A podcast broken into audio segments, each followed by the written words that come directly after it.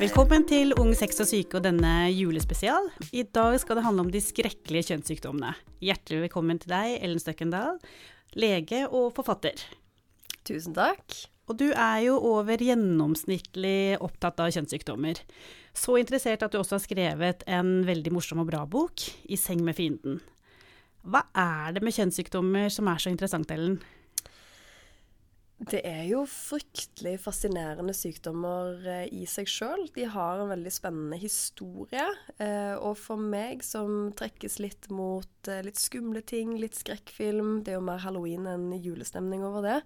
Men for meg som er litt sånn, så syns jeg også at kjønnssykdommene er legeyrkets svar på grøssere, og at vi gjennom historien har vært så fryktelig redd for dem. Og det er litt spennende.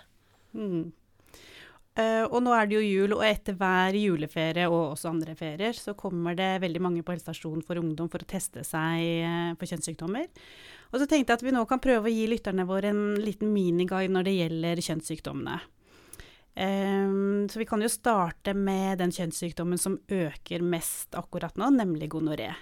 Fortell oss om denne sykdommen, og hvorfor skal vi prøve å unngå gonoré?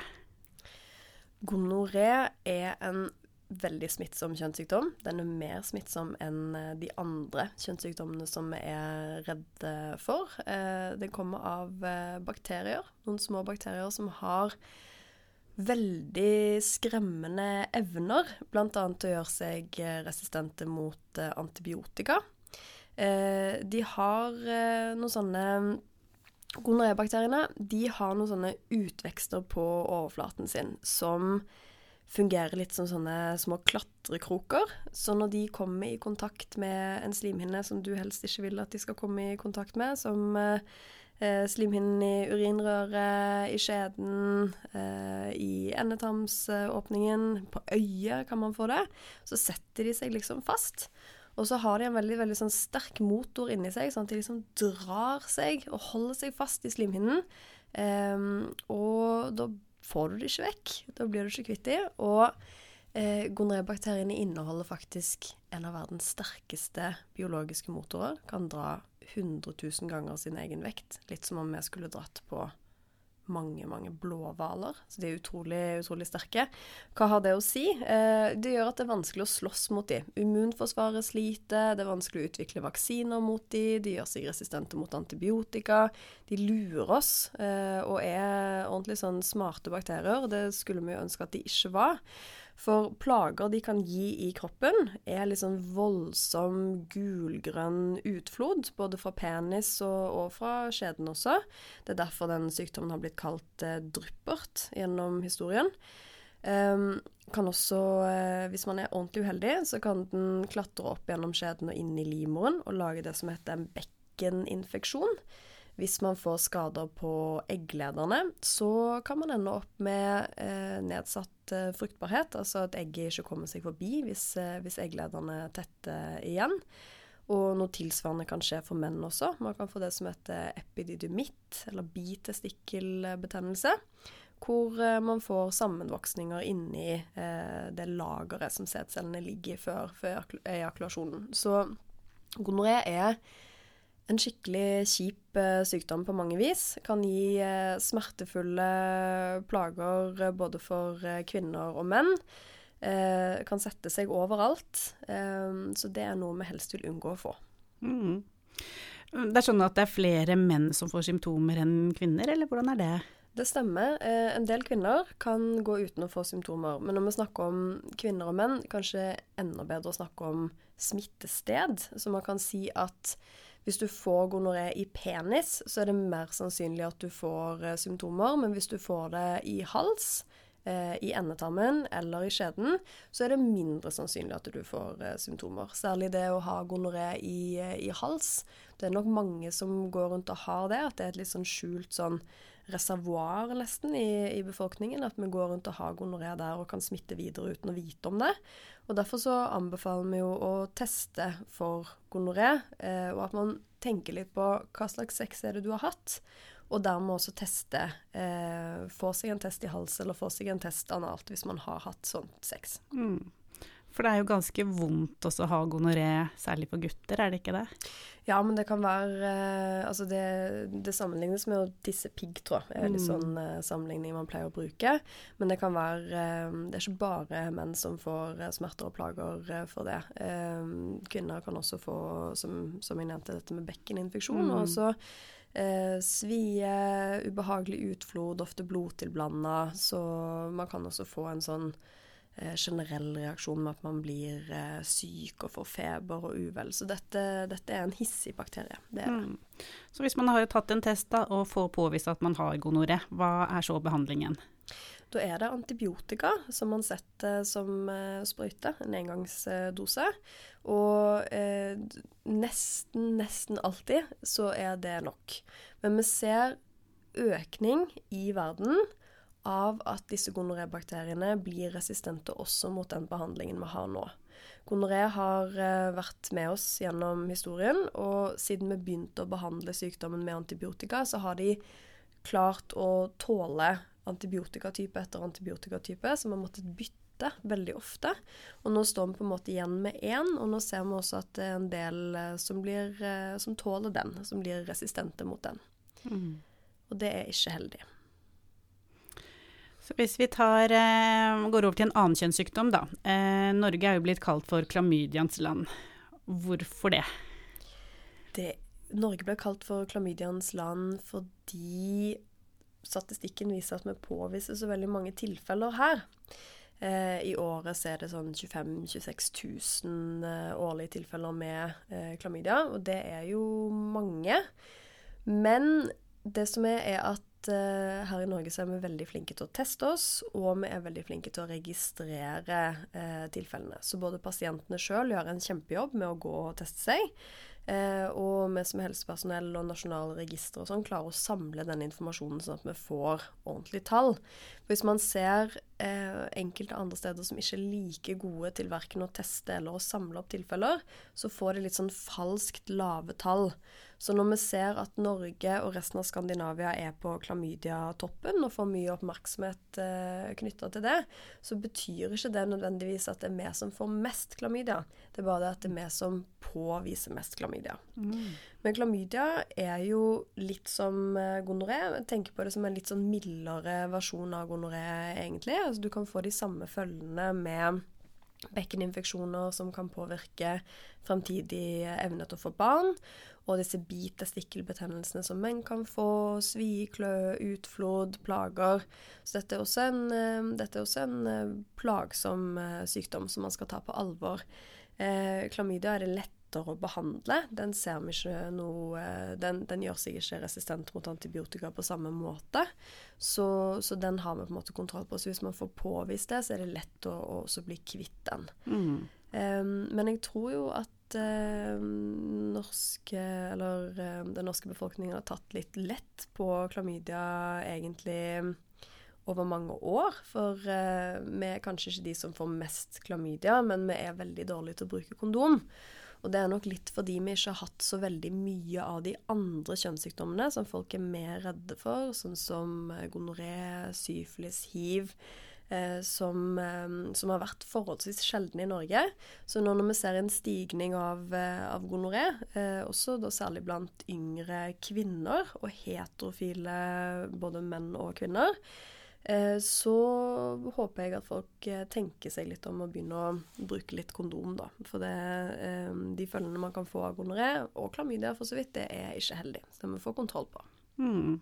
Og behandlingen der sa du, det var også antibiotika, det er vel en ukes, eller det er en ukes kur Ja, med en tablettkur. Doxylin heter den medisinen. Mm. Mm. Eh, og så er det jo en kjønnssykdom som ligner litt på klamydia, som du i boken din kaller for en brysom lillesøster. Eh, og det er mykoplasma. Mm. Hva er spesielt for denne sykdommen? Ja, eh, hvis vi ser på gonoré og klamydia og mykoplasma, så har vi da tatt for oss de tre bakteriekjønnssykdommene som kan gi litt sånn lignende plager, hvorav gonoré på en måte er den mest eh, alvorlige, gir sterkest plager. Og mykoplasma kanskje er den eh, mildeste. Det er mange som, eh, som ikke får plager, faktisk de fleste. Um, mykoplasma er en bitte liten bakterie som også kan gi kløe, svie, ubehag, kanskje bekkeninfeksjon, epididymitt, noen følgetilstander sånn som det. Det er sjelden. Men det som er spesielt med mykoplasma, er at den skal vi ikke lete etter.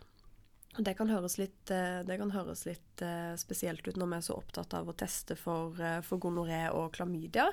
Men det som er spesielt for mykoplasma, er at veldig ofte så er den bare til stede i underlivet uten å gjøre noe særlig vesen ut av seg. Man har til og med sett at hvis man er, hvis man er et par som har sex ofte, så er det vanlig at bare den ene har mykoplasma. Så dette er ikke en veldig sånn dette er ikke en veldig smittsom sykdom, antageligvis, og det er heller ikke en, smyk, en sykdom som blir værende veldig lenge. Kroppen ordner fint opp med denne sjøl.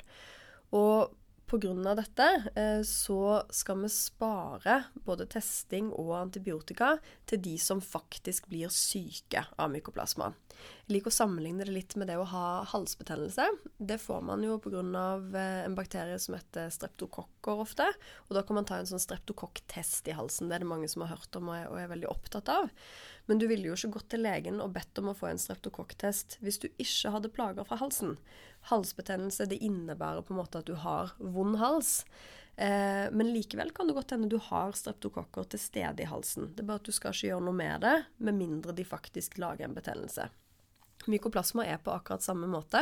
Den kan du fint ha i underlivet og ikke merke noen ting eh, til det, og da trenger du ikke tenke på det. Men hvis du får plager og vet at det er pga. mykoplasmaen, da kan du behandles. Mm.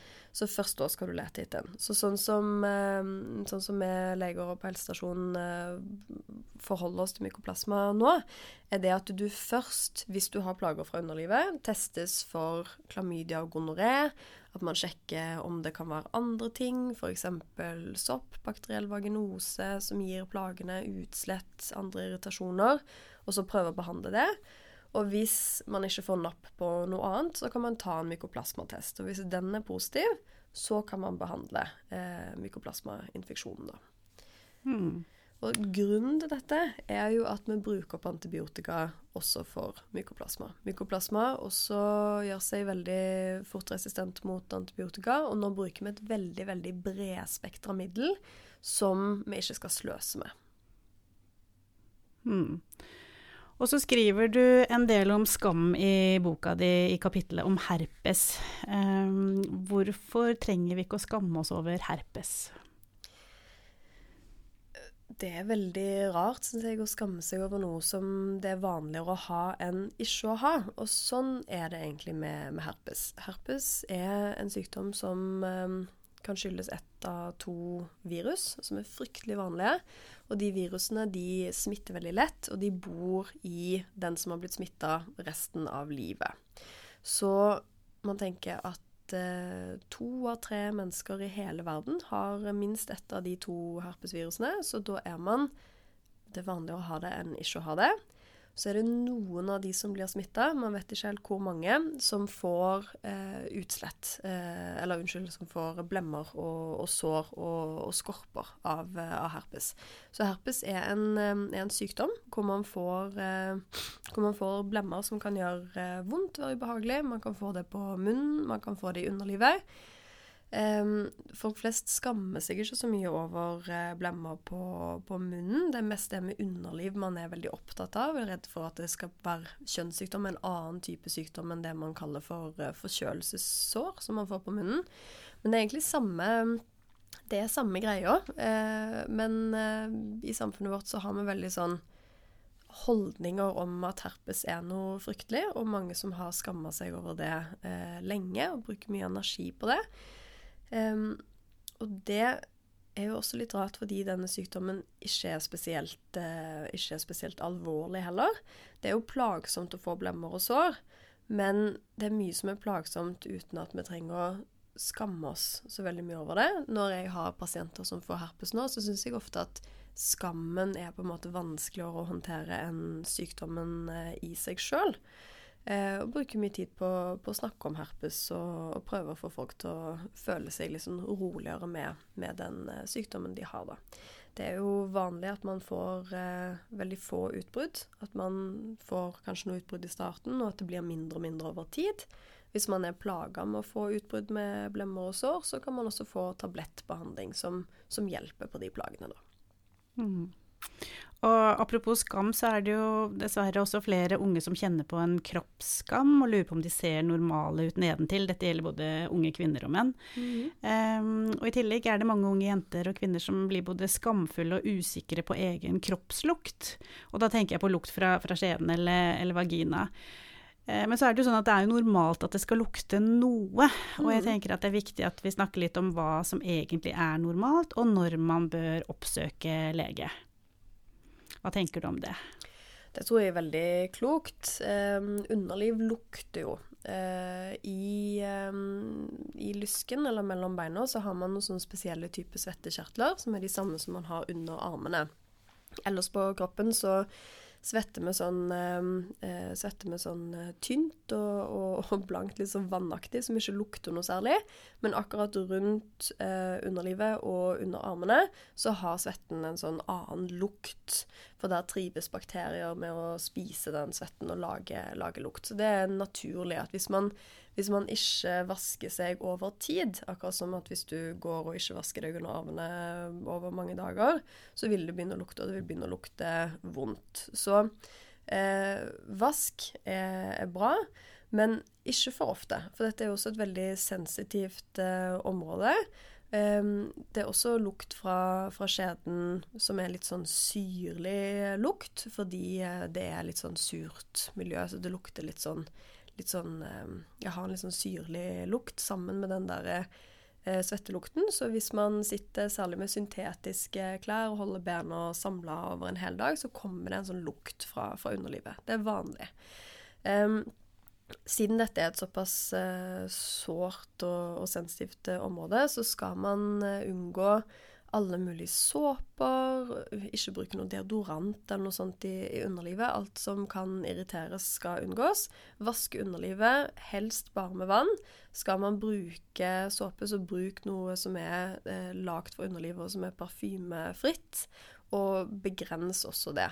Skal aldri vaske inni skjeden. Det er det også noen som gjør. Spyle på innsiden av skjeden. Skal bare vaske utsiden, altså vaske vulva, den ytre delen av, av underlivet. Og, og vann er, er best. Holde i massevis. Mm. Ja, for det finnes jo en del produkter som er liksom beregnet for oss å bruke på underlivet. Og det prøver man da egentlig bare å unngå. Ja, det har noe Altså, det, det, har egentlig ikke noe for seg. Det legger seg bare, bare oppå. Eh, det mange det mange kvinner er redd for, er jo at det som kan lage lukt, er sånne utflodsforstyrrelser, sånn som bakteriell vaginose, som mange har hørt om. Det er en tilstand hvor eh, de gode bakteriene i underlivet som lager melkesyre, blir bytta ut med noen andre bakterier som lager en litt sånn stram, sånn fiskeaktig lukt. Det er en veldig vanlig tilstand. Um, og for å behandle det, så må man enten la det gå over av seg sjøl, for det gjør det til slutt, eller så må man til lege og bruke en antibakteriell kur, da. Enten antibiotika eller et annet middel som, som dreper disse nye bakteriene. Så det er ingen ehm, Det lages veldig mye sånn ekstra som man kan kjøpe på apotek, sånn melkesyrekapsler og kremer og eh, spesielle vask og sånn. Men de har ikke noe bevist effekt mot denne tilstanden, som oftest er det som, eh, som gjør at underlivet lukter veldig annerledes da, og trenger, trenger behandling. Så da ville jeg heller ha gått til, eh, til helsestasjonen, gått til lege, fått, fått ordentlige råd i stedet for å kjøpe dyre ting som ikke egentlig har noe effekt. Mm. Ja. Og når du sier at bakteriell vaginose det går over av seg selv etter en stund, mm. hvor lang tid tar det sånn cirka, eller er det veldig individuelt? Det er jo dessverre ganske individuelt. Mm. Så, så, jeg tenker at hvis man ikke er så veldig plaga, så kan man vente og se. Men hvis man er plaga, eh, så går man til lege. Og da kan mm. du gå til lege på helsestasjonen eller fastlege og få hjelp med, med det. Så, mm. mm. Men hvorfor tror du det er blitt sånn at vi skammer oss sånn over normale kroppslukter? Ja. Det har jo vært sånn uh, over tid at, uh, at, vi er veldig opptatt av, uh, av renslighet og, og, og, vaske og På en måte redd for at kroppen skal Redd for at kroppen skal være kropp, egentlig. Altså Sånn er det jo når det kommer til, når det kommer til sex og seksualitet også. Vi er veldig glad i å snakke om de tingene som er eh, hva skal si, rene og enkle og, og, positive. Men med en gang man drar inn det man kan kalle liksom, skyggesidene, eller det som kan være problematisk, da, så, eh, så lukker vi øynene. Sånn som å snakke om kjønnssykdommer, eh, f.eks. Um, det å Da vi skrev eh, 'Gleden med skjeden', jeg og medforfatteren min Nina, så fikk vi en eh, bokanmeldelse hvor det sto at eh, han som hadde lest den boken, syntes det var så mye om utflod og sånn at han ikke ville trenge prevensjon framover, fordi eh, det å lese om kropp var liksom nok til å holde han eh, unna. Eh, og det, det syns jeg er litt sånn talende for hvordan man tenker om kroppen i dag. Vi liker på en måte ikke å vi liker ikke å forholde oss til eh, at kroppen lager væsker, og at eh, det er svette, og at det er utflod, og for all del liksom avføring og blod og alt som, alt som ikke er liksom rent og sterilt, eh, skal vi helst ikke tenke på heller. Og det er jo en del av det å være menneske, å være en kropp. Det er sånn vi fungerer. Men det, det fornekter vi litt. Jeg har sett sånne konkurranser som unge jenter har på TikTok og Instagram, hvor man tar bilde av undertøyet sitt, viser det fram, og hvor det er liksom om å gjøre å gå lengst mulig uten at det skal komme noe utflodsflekk i undertøyet, fordi utflod er noe man tenker på som, som skittent. da. Men kroppen er jo et fantastisk og komplekst maskineri som har de tingene den driver med for, for en grunn. Og utflod er jo der for å beskytte skjeden mot eh, bakterier, eh, sopp, virus, og også for å holde skjeden ren. Utflod er på en måte skjedens måte å vaske seg sjøl på. Så den ideen om at det er skittent, og at det er noe som må tas bort, det fremmer jo heller sykdom. Noe jeg ser som lege, er jo at eh, veldig ofte så er pasienter som kommer inn med underlivsirritasjoner, plager, tror de har kjønnssykdom eller eh, en utflodsforstyrrelse. Veldig ofte så handler det om at de vasker seg for mye. At de vasker seg eh, feil, eller at de bruker sterke såper som gjør slimhinnene såre, og, og skaper plager i seg sjøl. Så her er ofte det å liksom ta to steg eh, tilbake og heller være litt avslappa i kroppen som den er, og la den holde på som den gjør, det kan være helsefremmende. Det gjelder menn også. Masse, masse gutter som får uh, utslett og plager fra penishodet fordi de vasker for mye. Veldig redd for å være skitten, redd for å lukte, redd for å, ja, at kroppen skal være kropp. Mm. Og det at kropp er kropp og noe naturlig. Nå er det veldig vanlig å barbere seg nedentil, hvor det er mer syns, um, særlig på jenter. Mm. Uh, og da er det jo mange som blir så usikre på er underlivet mitt, ser det normalt ut? Og det kan vi også få spørsmål om når vi skal legge inn f.eks. spiral eller ja. Mm. Um, og, og, jeg tenker at det er jo Alle underliv ser jo forskjellig ut, like forskjellig som vi ser ut i ansiktene våre. Men jeg blir litt sånn nysgjerrig på hvor, hvor denne usikkerheten kommer fra, da. Hva tror du? Man har jo faktisk studier på det at eh, når man ber eh, unge kvinner eller kvinner om å tegne eller beskrive hva de ser på som et perfekt underliv eller en perfekt vulva, så tegner de eh, og beskriver ganske likt. Eh, og da går de ofte for et sånt veldig ryddig eh, underliv, kan man kalle det. At eh, det skal være jevn farge, at det skal være hårløst, at de ytre kjønnsleppene skal være lengre og dekke de indre er på en måte det man beskriver og tegner når man ser for seg det. Så det er på en måte et ideal som man har, litt sånn som at man har idealer for andre kroppsdeler. Eh, og det idealet, hvor det kommer fra eh, Jeg tror nok litt som du sa, at uh, vi har blitt mer bevisst på underlivets utseende i en periode hvor det har vært vanlig å barbere alt, og at man dermed har sett, sett sitt eget underliv, sett andres underliv enda tydeligere.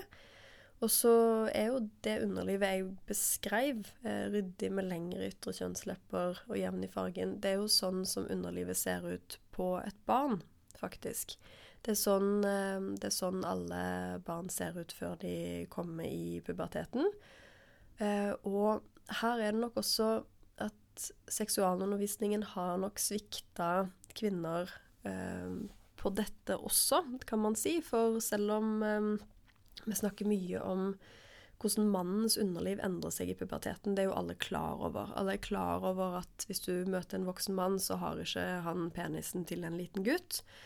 Men ingen snakker om de voldsomme endringene som ser, skjer med kvinnens ytre kjønnsorganer i, i, eh, puberteten. Altså hår, det nevner man, men hva skjer med resten? Jo, for over halvparten av eh, kvinner så vil de indre kjønnsleppene vokse og bli mye lenger eh, enn de ytre, ingen godt nedenfor, og de kan se, i stedet for å være sånn ro, sånn ryddige og små, sånn eh, som de var eh, først, så kan det se ganske rotete ut, rett og slett. Og Det er naturlig og normalt. Altså, eh, kroppen er ikke ryddig.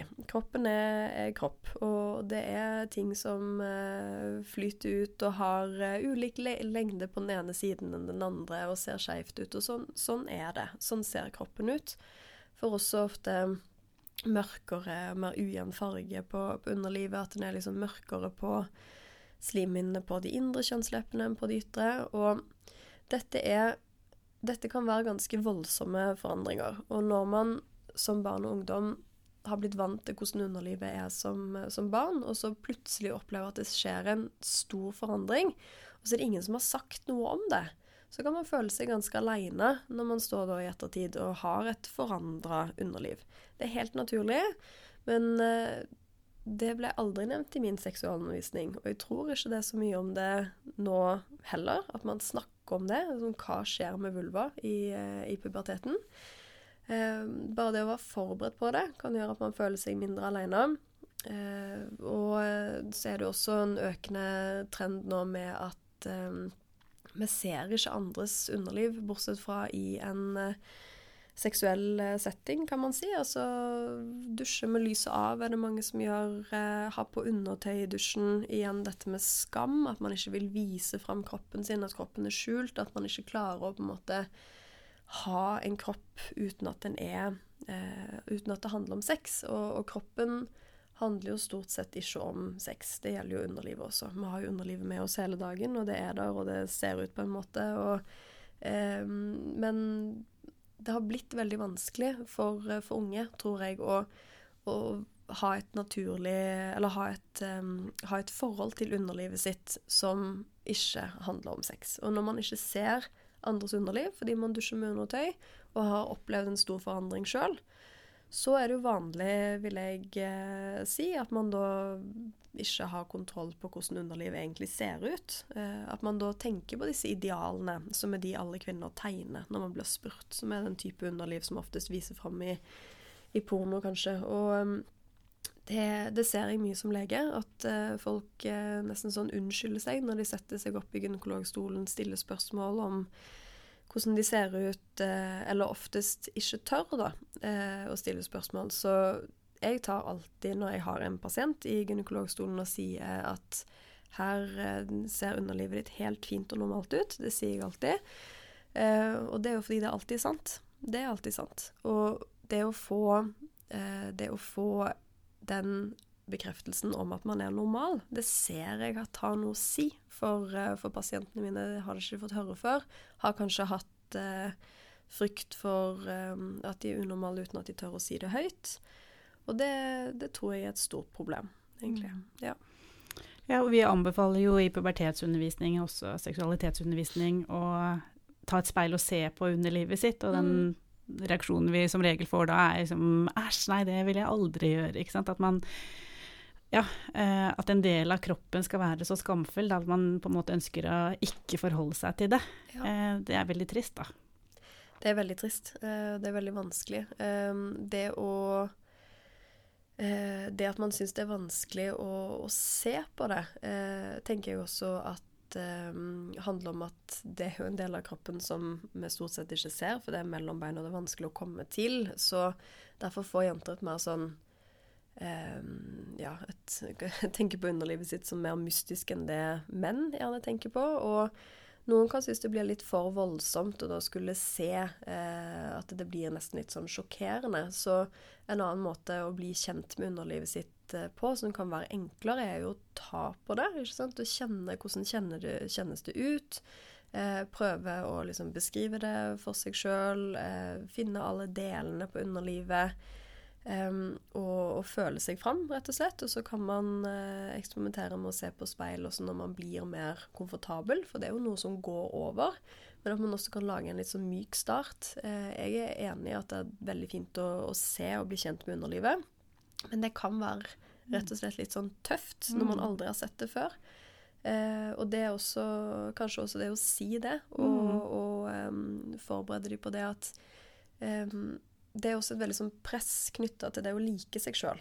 At eh, hvis man eh, syns det er ekkelt eller ubehagelig eller vanskelig, at det også blir en sånn ekstra skam. Hvorfor klarer ikke jeg å like meg sjøl? Hvorfor klarer ikke jeg å like underlivet mitt eller synes mm. at det ser fint ut, fint ut når alle sier at man skal gjøre det? Og det å like seg sjøl, akseptere seg sjøl. Eh, det er jo en prosess, sånn som alt annet. Det er noe man må øve seg på. Og når det er så mye rundt oss i samfunnet vårt som forteller oss om alt som er feil hele tiden, så er det å på en måte sjøl skulle overvinne det der og da med et speil, eh, det kan bli en oppgave som eh, jeg syns høres ganske vanskelig ut. Men bare ta det som en prosess. Ikke mm. forvente at uh, alt skal gå over uh, med et knips. Veldig, veldig bra tips. Mm. Mm. Tilbake til uh, kjønnssykdommer, så er det um, noen unge som har hatt sex uten kondom, som kommer på helsestasjon for ungdom, og så vil de testes for absolutt alt, mm. for sikkerhets skyld. Um, og det sa du litt om, men hva hvis vi bare går gjennom hva bør de teste seg for, og hvorfor trenger de ikke å teste seg for alt. For noen ganger så har de helt panikk og bare 'jeg må ta alt'. Ja. Eh, det er et vanlig spørsmål, og det viser jo også eh, Først og fremst så vil jeg jo si at det å ønske å teste seg viser et eh, ansvar for seg sjøl og for andre, og at det er veldig bra. Men det å teste for alt da, i, i hermetegn er ikke nødvendigvis eh, det beste. Fordi når det kommer til medisinske tester, så eh, er det ikke ja, det er ikke alltid det å teste for alt gir deg ikke mer nyttig informasjon. Du må kunne bruke den informasjonen til, eh, til noe, og så må du eh, unngå å havne i en situasjon hvor du eh, får informasjon som er feil. For det er faktisk også sånn at eh, testene er mindre sikre hvis man tester når det er lav sjanse for å ha sykdommen. Det er litt sånn, litt sånn vanskelig. Men ehm, eh, det som alle skal, eh, alle skal, teste seg for når de har hatt ubeskytta sex med ny partner, det er å ta enten en eh, prøve hvor man eh, tisser i en kopp, eller eh, en sånn bomullspinne opp i skjeden. Det kan man ta selv. Den vil da screenes for eh, klamydia og nå også gonoré. Så de to vil tas. Eh, hvis man har hatt eh, oralsex eh, og dermed skal teste seg i halsen, så kan man få en pinne hvor man tester i halsen, litt som en koronatest. Det er da mot gonoré. Hvis man har hatt eh, analsex, så kan man ta en eh, pinne i rumpa og teste. Det kan man også gjøre sjøl. Den kan også tas for klamydia og gonoré. I alle disse tilfellene så sa jeg da ikke mykoplasma. Det er jo pga. at mykoplasma skal man unngå å teste for, med mindre man da har vist at plagene man har, eh, kan komme fra det. Altså det er ikke, Man skal først ha testa for klamydia og gonoré, og så sett kan det være en annen grunn til, til disse plagene. Da, deretter kan man teste for, eh, for mykoplasma. Eh, når det kommer til eh, hiv, syfilis, hepatitt som blodbårne sykdommer, så kan man ta en blodprøve for det. Det trenger ikke alle gjøre hver gang. Eh, det tar man etter hva slags risiko man har hatt. Så hvis man har hatt sex eh, med en person fra et land hvor det f.eks. er mye hiv eller syfilis, så kan man ta det. Eh, hvis man er en mann som har sex med menn, eller en kvinne som har sex med menn som har sex med menn, så kan man vurdere det. Hvis man eh, kjøper selv eller bytter sex, så kan man eh, vurdere å ta en sånn eh, prøve. Det er liksom flere, flere situasjoner hvor det kan være greit. Og det, da skal man vite det at de hiv-prøven, da, som er noe mange er redd for og opptatt av, den er sikker når man tar den tre måneder etter risikoen. Men ofte blir han, blir han positiv før, hvis det skulle være noe. Men hiv er jo en veldig lite smittsom sykdom som eh, de færreste opplever å få eh, i Norge av eh, ungdommer. Så. Mm. Men det er noe man skal tenke på. Når det kommer til herpes, er det mange som også vil teste seg eh, for det, og lurer på om det er noen måte å finne ut om man har det. Det er jo en, eh, det er et virus som man går rundt og har i kroppen, og som man har resten av livet. Men der tester man bare Hvis man har blemmer og sår, så kan man teste de blemmene og sårene for å se er det herpes, og hvilken type er det. Så det tar man ikke å teste for uten symptomer. Mm. Så bra. Nyttig informasjon. Um, det eneste som kan beskytte deg mot disse fæle kjønnssykdommene, det er kondom. Så kommer jo millionkronersspørsmålet, Ellen. Hva tror du skal til for at flere bruker kondom når de ikke vet om sexpartner er smittet av en kjønnssykdom? Kondom er eh, så fint fordi det beskytter mot smitte med gonoré og klamydia, mange av disse sykdommene som er redde for å få. Men det er så vanskelig å ta fram det kondomet, er det mange som eh, sier. Og det, det, tror jeg handler om at det å ta fram kondomet er en slags påminnelse om at kjønnssykdommer fins.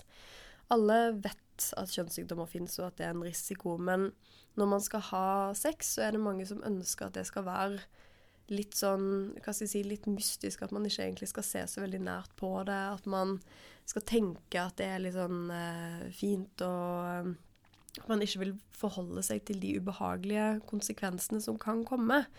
Um, og det, det skjønner jeg jo, at man ikke vil se på det skumle.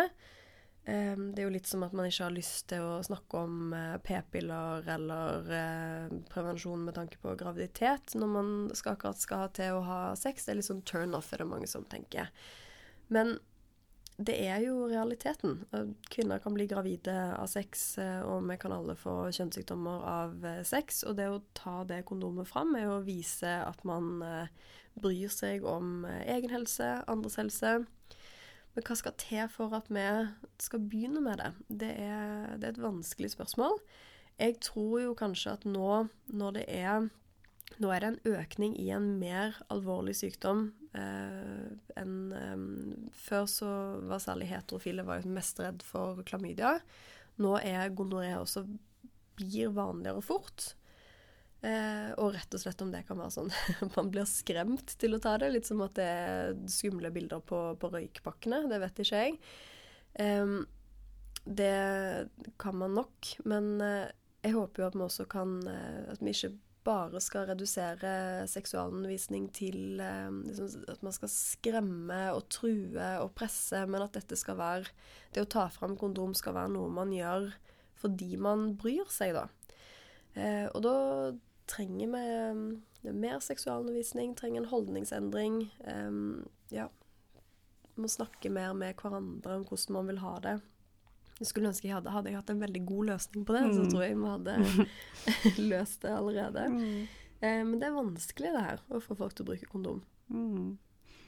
Og hvis det er en sånn turnoff, jeg tenker sånn at hvis gutta øvde veldig mye, da. Øve, øve, øve, sånn at det på en måte helt naturlig bare den var på når man mm. startet. da, Så ble det kanskje ikke noe spørsmål om altså Da, da trengte det ikke å være så mye føss rundt det, da.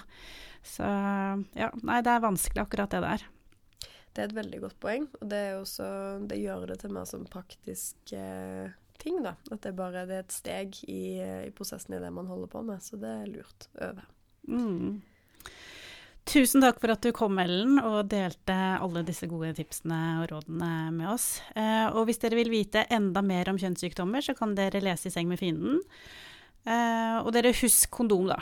Så unngår dere i hvert fall å få kjønnssykdommer i 2024. Ha det bra! Mitt navn er Cindy Engmark Sandvold. Det tekniske var ved Helle Midtbø. Helle og Cindy har også hatt det redaksjonelle ansvaret.